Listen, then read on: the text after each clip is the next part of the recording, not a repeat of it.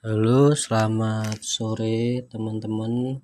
Sore menjelang malam ya ini ya, soalnya udah mau jam 6. Perkenalin, namaku Arif di podcastku malam hari ini, petang hari ini. Aku membahas sebuah buku yang aku dulu pernah baca semasa aku masih duduk di bangku SMP.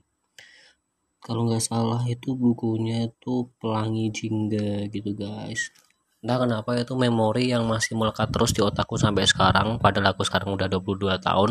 Berarti kalau SMP itu masih umurnya masih belasan tahun lah ya.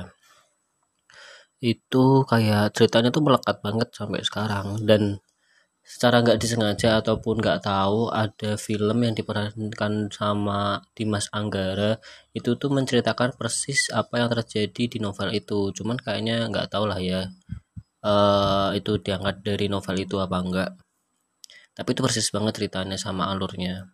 Nah nanti aku lanjut lagi di episode kedua. Terima kasih